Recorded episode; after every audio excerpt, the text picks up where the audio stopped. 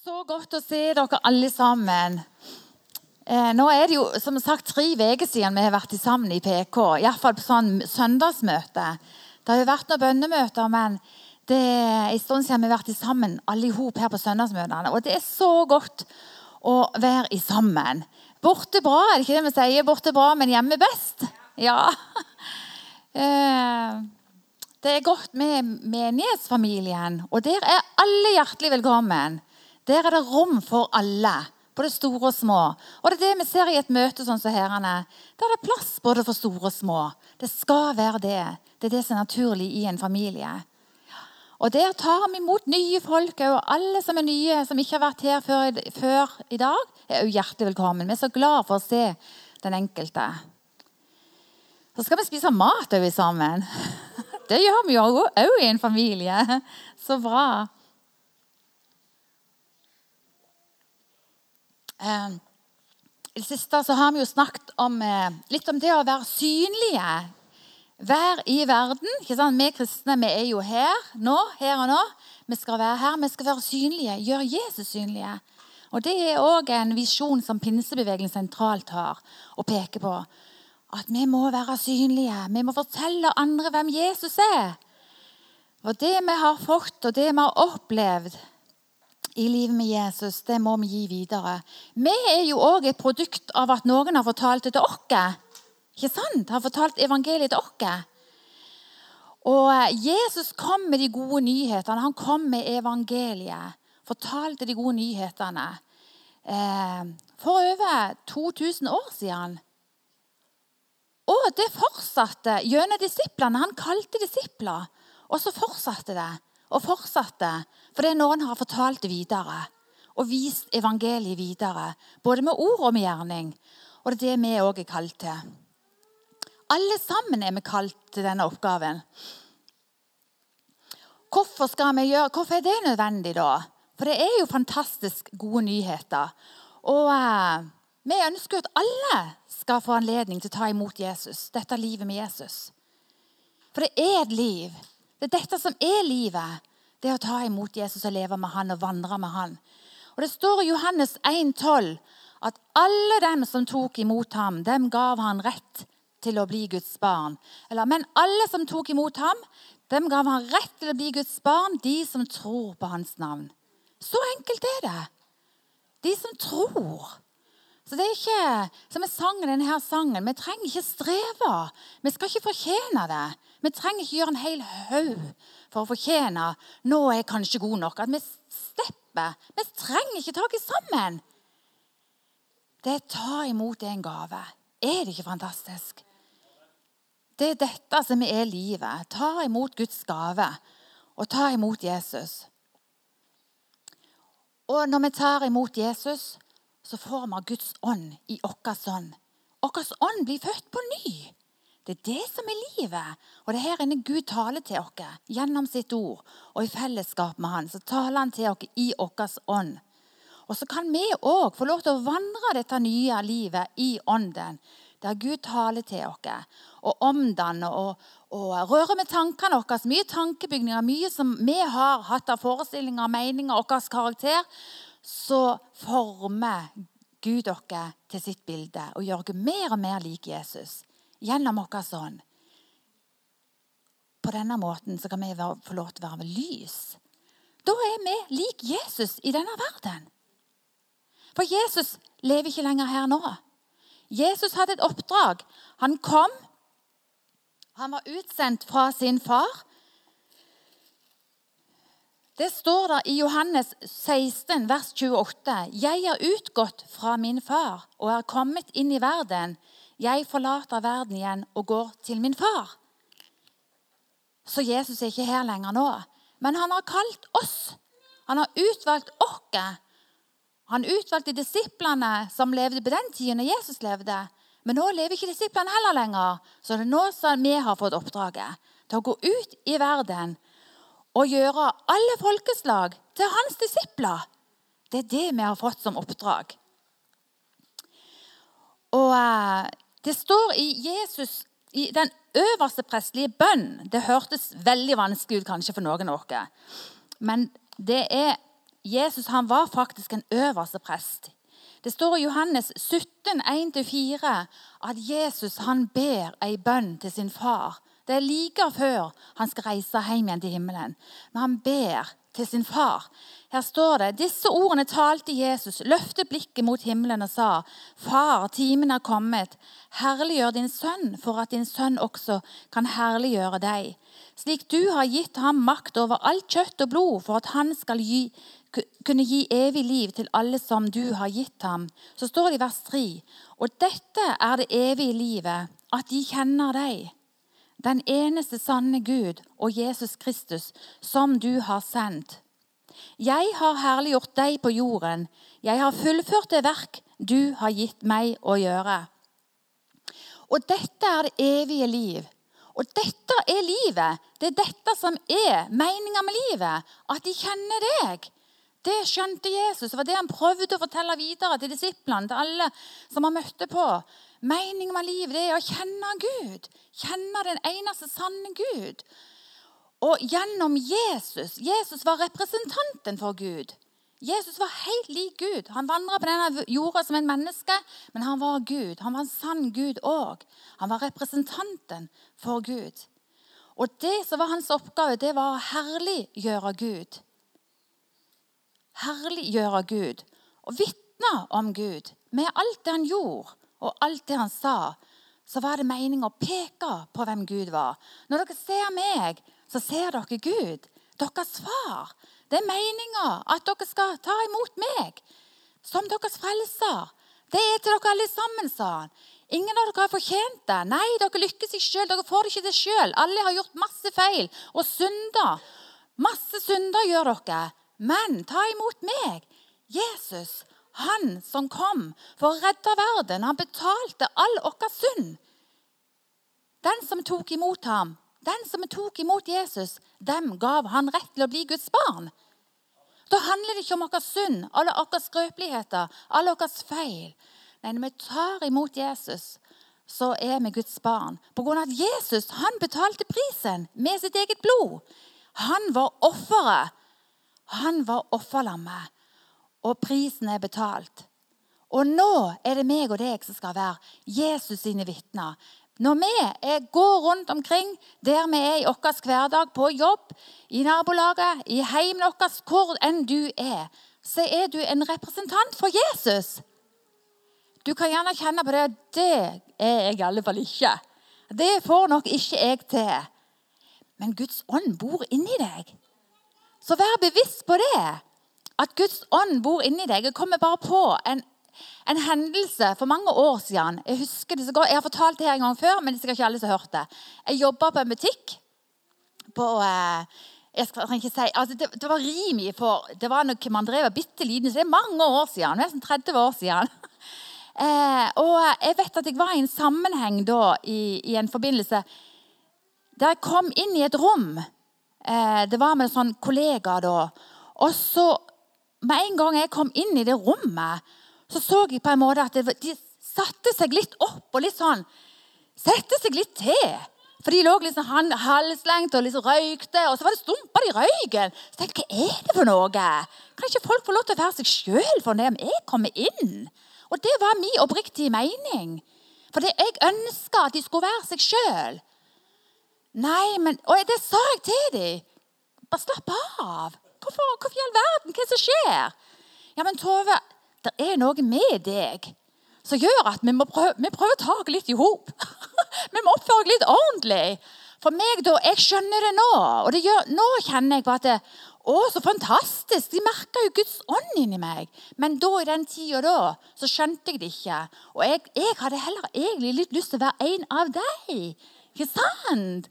Litt sånn Eh, men jeg skjønte da i ettertid For de sa det, det er noe med deg. Og det er ikke alltid vi er bevisste på det. Men Guds ånd bor i meg og deg. Og når vi har relasjon med Gud i vår ånd, bruker tid med Jesus, så blir vi oppfylt i vår ånd. Ikke sant vel? Og vi blir, vi blir lys. Og mange ganger så kommer vi ikke på det, men folk merker det. Og kanskje du, når du er, er sammen med folk, så har du faktisk et ord i rette tid, for ånden minner deg på det. Ikke sant vel? Og det er så mye her jeg kunne sagt, men det har vi snakket så mye om før. Men vær bevisst hvem du er. Kristus i deg, det er håp om herlighet. Kristus bor i deg og meg. Det er voldsomt, ja. Eh, så Jesus' sin oppgave det var å herliggjøre far her på jorda. Og det, det er vår oppgave òg. Vi har fått et kall, vi har fått et oppdrag. Men hovedkallet vårt det må jeg bare lese. Vi skal gå ut og vinne disipler. Ja, vi skal det. Men vi kan ikke gjøre det i egen kraft. Vi kan ikke gjøre det i egen kraft med egne ord. Vi må bare gjøre det ved å være fylt av Den hellige ånd og fylt av Guds kraft i vårt liv. Så Derfor så er hovedkallet vårt, som det står i 1. Korinterbrev 1.9 Her med det. Gud er trofast. Han har gitt dere et oppdrag, ikke sant? Så med det oppdraget 1.9 1. Korinterbrev 1.9. Ja, der står det. Gud er trofast. Han som har kalt dere til fellesskap med sin sønn Jesus Kristus, vår Herre. Han har kalt dere først og fremst til fellesskap. Jeg tenkte Hvis jeg hadde forberedt meg her, så tenkte jeg huske det når jeg, når jeg var liten, så var jeg på Auland, Øverland, der heimgården vår er. Der hadde de sauer. Så gikk min tante og kalte på sauene. Hun hadde noe mat oppi bøtta, så kalte hun på det. Husk hun sa nå må vi kalle på sauene. Så kommer de, skal de få mat. Ikke sant? Kalle, det er kom, kom, kom nær. Jeg vil gi dere mat. Det er det som er vårt hovedkall. Gud har kalt dere til fellesskap med sin sønn Jesus Kristus, vår Herre intimitet. Kom og få mat. Kom og vær sammen med meg. Det er jeg som er deres oppdragsgiver. Jeg har skapt deg. Jeg har forma deg. Jeg vet hvem du er. Jeg vet hva du trenger. Du kan ikke gå ut i egen kraft. Du klarer ikke dette alene. Jeg vil være med deg. Jeg vil gi deg alt det du trenger for ditt oppdrag. Men kom og vær nær meg. Bruk tid med meg. Drikk av fellesskapet. Drikk av ordet. Kom og, og øs ut ditt hjerte. Som vi hørte her han Evenstad som var her for tre uker siden. Vi, er så flinke mange ganger å snakke at de vanlige bønnene, de fine bønnene som vi tror Gud vil høre. Og så litt sånn overfladiske bønner. Tøm ditt hjerte. Øs ut ditt hjerte. Øs ut. Når vi øser ut av bøtta, så øser vi ut, ikke sant vel? Så det blir tomt. Øs ut ditt hjerte for Gud. Sett ord på dine følelser, på dine tanker, på din smerte.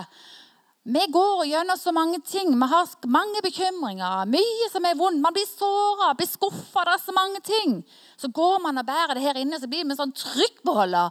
Og så er det sånn når noen bare pirker i oss, vi er sammen, og så kommer det, ikke sant? Ikke sant? Kjenner du deg igjen? Eller er du bare helt Altså det er litt sånn vi er. Derfor så er det så godt når vi kan øse ut vårt hjerte til Han som kjenner oss, og Han som tåler det meste av alt. Gud, vår pappa, vår far. Så om ikke du eh, har erfart det, så anbefaler jeg det. å øse ut ditt hjerte. Og når du da har øst ut ditt hjerte, så er det jo tomt der. Da er det helt annerledes når Gud bare kan komme og fylle det opp igjen med sin trøst, med sin fred, med sin oppmuntring, oppbyggelse, veiledning. Ikke sant? Og da kan vi gå fra bønnestunder. Wow, er det noen problemer? ikke sant? Det er sånn det fungerer. Jeg skal love deg det, hvis du lurer på om det er sånn Altså, prøv det. Snakk med noen. Kom til meg. Jeg skal fortelle deg det mer om det. Prøv det. Bruk tid med Gud. Han tåler alt det du har på ditt hjerte, og han elsker når du er ærlig med han. Det er dette som er relasjonen. Dette er en relasjon som vi trenger, og helt nødvendig for oss. Og eh, Jesus, når han kalte disipler, så kalte han ikke de som var helt perfekte. De som var utlærde, hadde gått på teologistudiet og virkelig kunne det. Nei, Jesus han, han kalte disipler Noen var fiskere, og eh, noen var tollere. Tollere det var jo sånne folk som ikke egentlig, mange ikke likte på den tida der.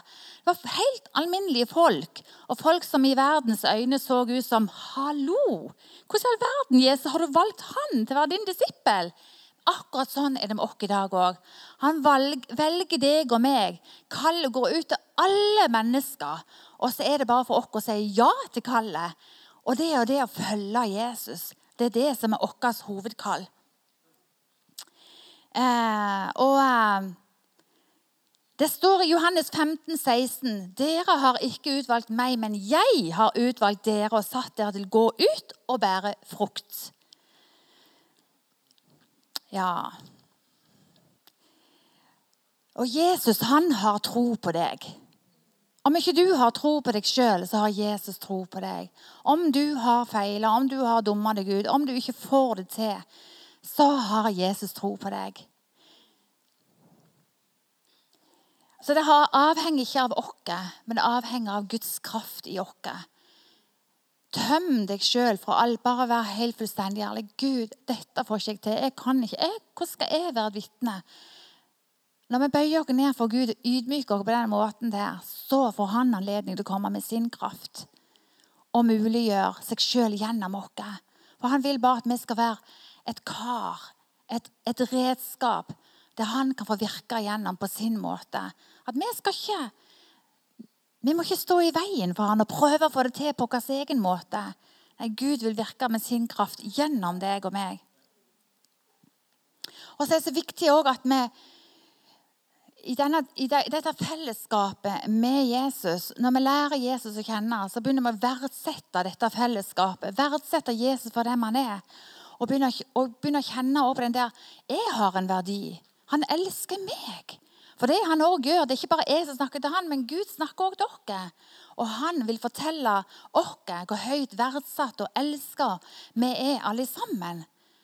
Og gjennom det så blir vi helt avhengig av dette fellesskapet, disse bønnestundene med Gud.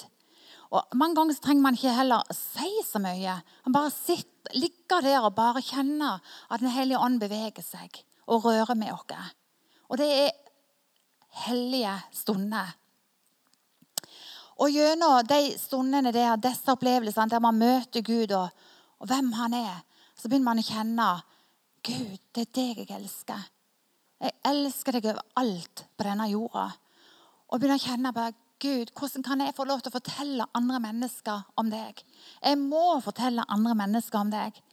Kan, du klarer ikke å holde det med deg sjøl, for du er proppfull av kjærlighet. Proppfull av Jesus, så du må bare fortelle det til andre. Og så kaller Gud til forskjellige oppgaver i samfunnet, i menigheten. Vi har forskjellige oppgaver.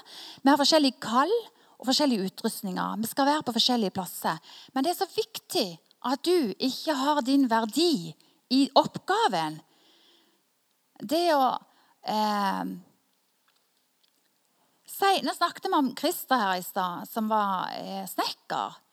Tenk hvis det å være en snekker, det å snekre ei trapp, det var det som var Altså, se meg, hvor flink jeg er. Jeg vet at Christer er ikke sånn.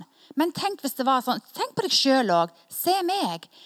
Jeg er verdifull, for jeg klarer å gjøre det jeg gjør. ikke sant?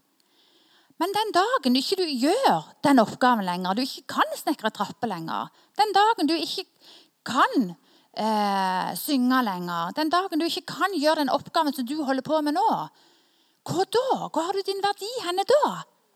Hvor har vi verdien vår henne da?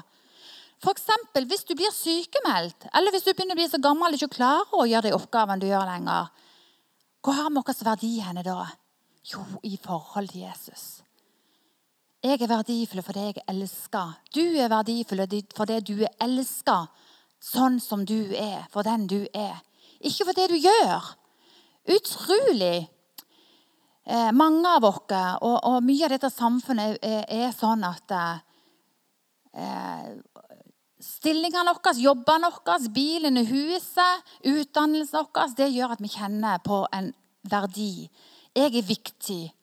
Men hvis man ikke da kan lenger, hvis man ikke får det til lenger, hvis ikke det fungerer lenger, du mister jobben din, så er du like verdifull for det. For det, Gud elsker deg, ikke det du gjør. Gud elsker deg. Han vil ha elskere. Vi er sønner og døtre av Gud, vår far. Og han vil ha elskere først og fremst. Og dette her kjærlighetsforholdet, når vi bare pleier det, drikker av kjærligheten, så er det det som gjør at Wow, jeg må jo ut og fortelle. Det blir ikke sånn at det blir et ork. Ja, men jeg må jo. Så gjør vi det på forskjellige måter. Vi er forskjellige vitner rundt omkring der vi er. Vi vitner på forskjellige måter. Du skal få lov til å vitne på den måten som blir naturlig for deg. Jeg tenkte på Peter. Eh, han var en av Jesus' sine disipler. Og Peter, han, Hvis dere kjenner Peter i Bibelen, så var han en veldig ivrig, impulsiv mann. ikke sant vel? Han sa til Jesus, 'Jeg skal følge deg uansett hvor det går henne. Jeg vil aldri fornekte deg. Jeg skal følge deg. Jeg skal være trofast. Jeg må så må dø for deg, Jesus. Skal jeg følge deg? Jeg vil ikke fornekte deg.' Men så er det jo akkurat det som skjer.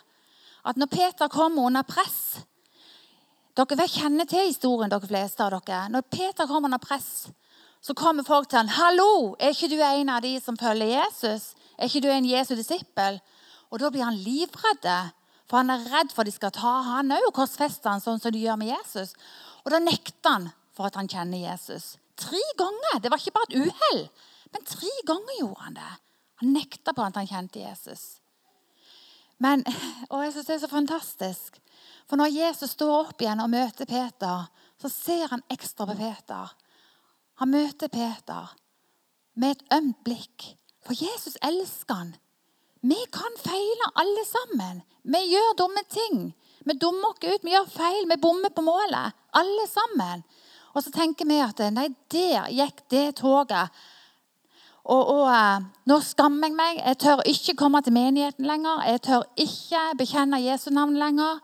For hvem er jeg? Jeg har jo dumma meg ut. Men som det står det er ingen fordømmelse for den som er Jesus Kristus. Vi har så lett for å dømme oss sjøl, og andre mennesker kan òg dømme oss. Men vi, det var det Peter gjorde. Han ydmyka seg, og han kom til Jesus. Og han var så lei seg. Han kjenner det mest langt inn i sjelen hvor lei seg han var fordi han hadde fornekta Jesus. Han, gråt, han gikk ut og gråt bittert fordi han hadde fornekta Jesus. For det var egentlig ikke det han ville.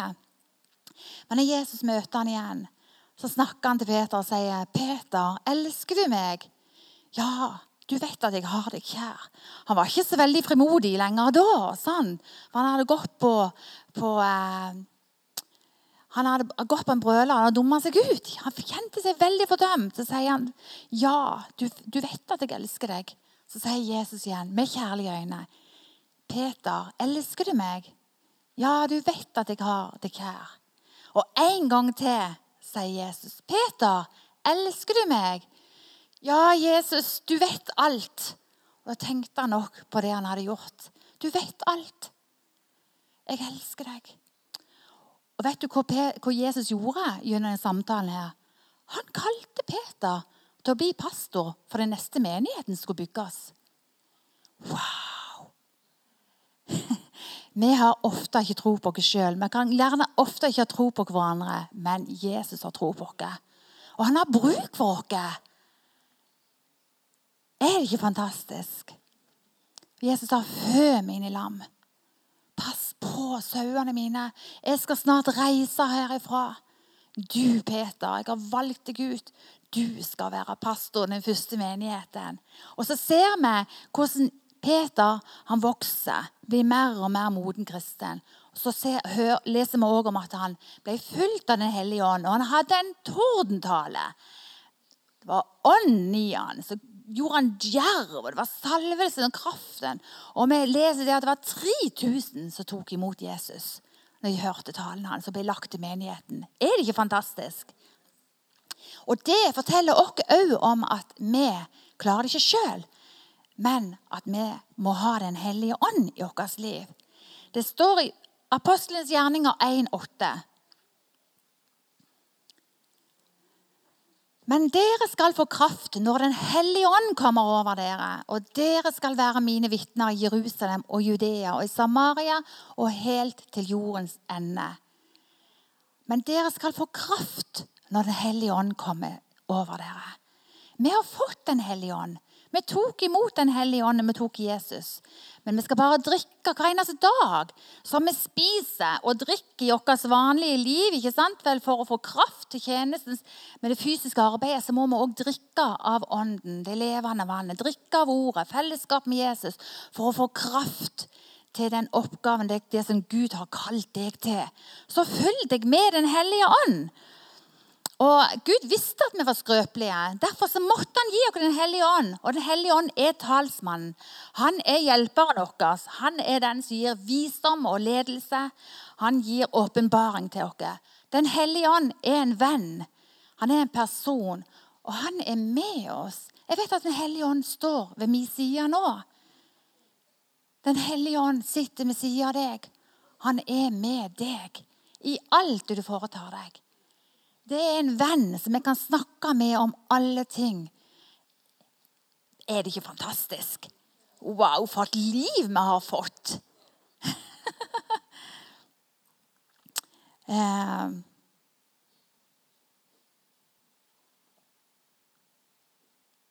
I apostelens gjerninger så står det om eh, Peter og Johannes. Hadde, de hadde vært med og, eh, I kapittel 3, tror jeg de hadde vært med, og, og eh, de skulle opp til Jeg bare lese det, så ikke jeg eh,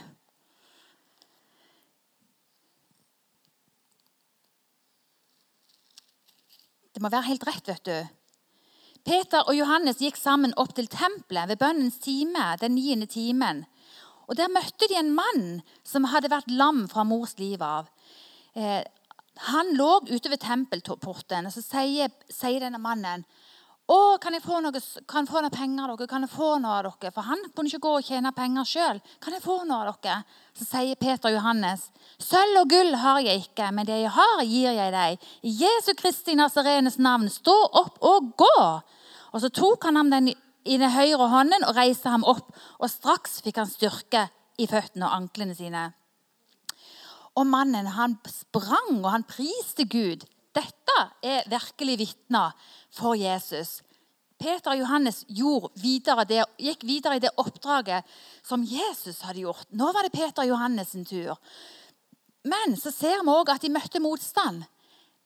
Og de ble satt i fengsel. Og det ble opprør, ikke sant vel? For mange ville ha mer. De så hva som skjedde. Mange ønska å bli helbreda. For det var mange sykdommer på den tida. Og det er det nå òg. Men mange ville bli helbreda. Men det ble opprør. Og det står her om at eh,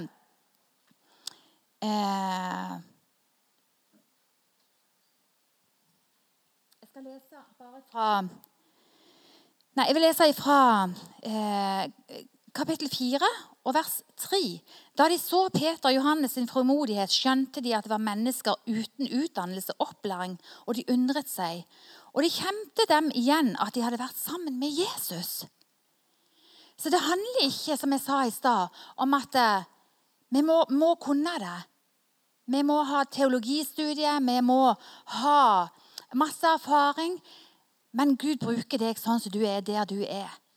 Når du har vært sammen med Jesus, sånn som de sier, og de kjente dem igjen De kjente det på det de gjorde, de kjente det på ånden, at Peter og Johannes hadde vært sammen med Jesus. Så sier de til dem så kalte de på dem i vers 18 og bød dem at de ikke i det hele tatt skulle fortale tale eller undervise i Jesu navn. Men Peter og Johannes svarte og sa til dem.: Om det er rett overfor Gud å lyde dere mer enn Gud, kan dere selv dømme om. I vers 20. For vi kan ikke annet enn å tale om det vi har sett og hørt. Dette er et vitne. Det er det vi òg er kalt. Være et vitne vitne om det som vi har sett og hørt. Det er sånn òg i en rettssal. Vet ikke om du har vært i en rettssal eller sett det på TV. Når de kaller inn et vitne, så skal de fortelle det de har sett og hørt. Ikke bare hva de tror har skjedd. Det blir ikke et sant vitne. Du må fortelle det du på ære samvittighet Jeg har selv vært i en rettssal og vitna flere ganger. På ære og samvittighet lover jeg for dommeren og alle de som sitter rundt der, å vitne om det jeg har sett og hørt. Du har ikke lov til å vitne om det du tror. Det du tror har skjedd. Nei, du skal vitne om det du har sett og hørt. Og det er dette som er et ekte vitne. Det er dette som blir et troverdig vitne. Ikke sant? Peter og Johannes sier men vi kan ikke annet enn å snakke om det som vi har sett og hørt. Det bare tyter ut av oss. Vi må bare. Vi må fortelle om Jesus. Vi må fortelle de gode nyhetene.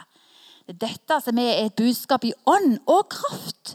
Og Derfor er det så viktig. Det er den viktigste oppgaven vi har. Å bruke tid sammen med Jesus. Følge oss med Guds ord, sånn at ordet blir en sannhet for oss. Og vi får erfaringer med Jesus. Opplevelser med Jesus. Og når vi kommer ut, så bare tyter det ut av oss. Det brenner ut av oss, det som vi har opplevd og erfart med Gud. Og Det står her også om at det vil koste. Ja, de ble satt i fengsel. De ble piska, og det ble håna, de spotta. Vi opplever ikke ennå å bli satt i fengsel for det vi forteller om Jesus. Men det er det mange rundt omkring i denne verden som må gi sitt liv for å fortelle om Jesus. Det vil koste. Og det kan være at vi høyt og tydelig kan snakke om Jesus her og til vår mann eller vår familie. Det koster ikke så mye. Men vi kommer ut sammen med vennene våre eller sammen der på arbeidsplassen så sitter det ganske dypt. ikke sant? Det vil koste. Men jeg tenker, be Gud om en naturlig anledning. At han skal gi deg anledning, gi deg mot. Han vil gi oss frimodighet, står det òg. Han vil gi oss frimodighet og kraft. Han vil gi oss visdom til hvordan vi skal være et vitnesbyrd. Så hvis du begynner å be for arbeidskollegaene dine, klassekameratene dine, naboene, familien din, begynner å be for dem først, så vil du få tanker. For Gud hører bønn. Han gir deg tanker, han gir deg veiledning til hvordan du kan få lov til å være et vitnesbyrd der du er. Eh, og da vil du begynne altså du må liksom hoppe litt ut av båten, ut fra det trygge komfortsona, og så begynne å fortelle om Jesus. Plutselig vil du oppleve at det legger seg anledninger til rette som er bare helt spesielle. Jeg var nettopp til behandling. Jeg skal ikke si hvor det var henne, men jeg var til behandling en plass.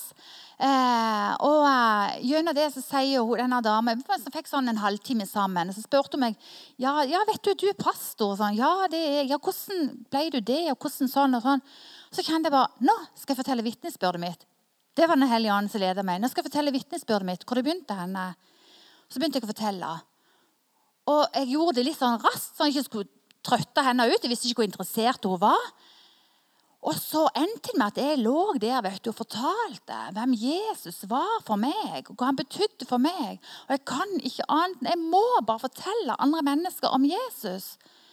Og så, så tok jeg litt, meg litt i det, så sier jeg Oi, nå blir det litt mye her, når jeg kjenner jeg. Nei, det gjør ikke det, sier hun. Det gjør ikke det. For jeg måtte liksom sjekke litt sånn temperaturen. For du skal ikke tråkke over mennesker heller. sånn. Må ikke gjøre det ubekvemt. Ha respekt for mennesker. Nei, det gjør ikke det. Vet du hva, Dette var godt å høre, sa hun. Jeg har sjøl vokst opp i en heim De var ikke kristne. Men jeg gikk på søndagsskolen, for naboungene gikk på søndagsskolen. Jeg hørte om Jesus. Men jeg ble litt eldre, så ble det ikke naturlig for meg å gå på møter lenger. Så jeg kjenner ikke Jesus sånn som du kjenner han. Men dette var interessant å høre. Dette vil jeg høre mer om, sa hun. Så det er sånne anledninger Gud bare gir oss. Og det er det som er spennende. Det er det som handler om å være påkobla Den hellige ånd. ikke sant vel? For da skjønner du og da kjenner du bare visdommen, du kjenner ledelsen, du kjenner hva du skal si, hvordan. ikke sant? Benytt anledningene, og så øver vi oss opp.